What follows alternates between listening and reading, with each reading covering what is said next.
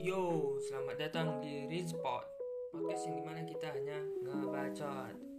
Oke, kali ini kita akan membahas tentang Tantangan dunia pendidikan di masa pandemi. Pandemi COVID-19 telah memberikan gambaran atas kelangsungan dunia pendidikan di masa depan melalui bantuan teknologi. Namun, teknologi tetap tidak dapat menggantikan peran guru, dosen, dan interaksi belajar antara pelajar dan pengajar. Sebab Edukasi bukan hanya sekedar memperoleh pengetahuan, tetapi juga tentang nilai, kerjasama, serta kompetensi. Situasi pandemi ini juga menjadi tantangan tersendiri bagi kreativitas setiap individu dalam menggunakan teknologi untuk mengembangkan dunia pendidikan.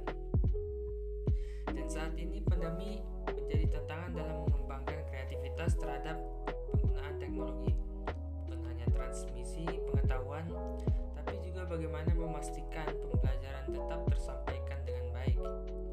Tantangan ini juga menjadi kesempatan bagi semua orang tentang bagaimana penggunaan teknologi yang baik untuk dapat membantu mahasiswa ataupun pelajar menjadi kompeten untuk saat ini. Masa pandemi ini juga dapat melatih serta menanamkan kebiasaan diri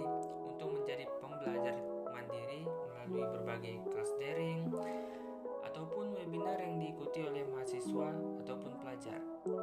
Dan selain itu, mahasiswa juga dapat bekerja sama satu sama lain untuk menyelesaikan permasalahan dalam pembelajaran serta menghadapi permasalahan nyata yang ada. Situasi ini bukan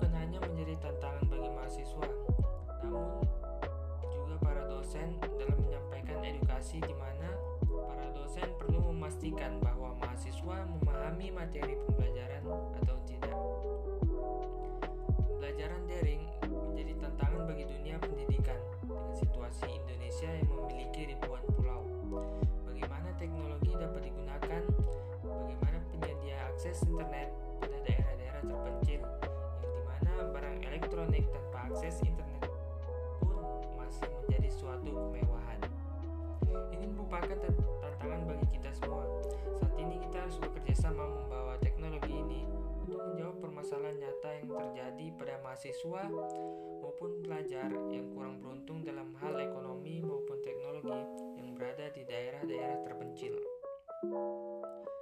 Kondisi pandemi COVID-19 juga memaksa para pemangku kebijakan di bidang pendidikan untuk dapat menyesuaikan diri dalam melaksanakan proses pembelajaran. Penyesuaian ini diwujudkan melalui kebijaksanaan Merdeka Belajar.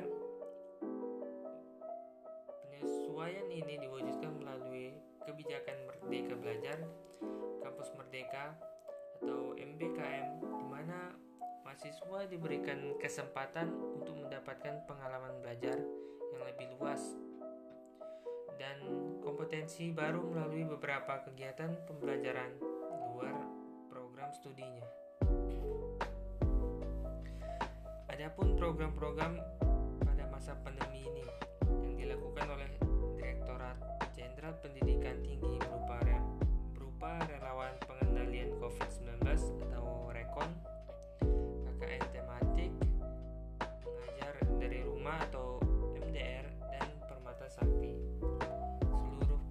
tersebut bisa diikuti oleh ratusan ribu mahasiswa di seluruh Indonesia.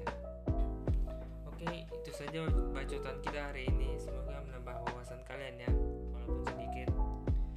Oke, see you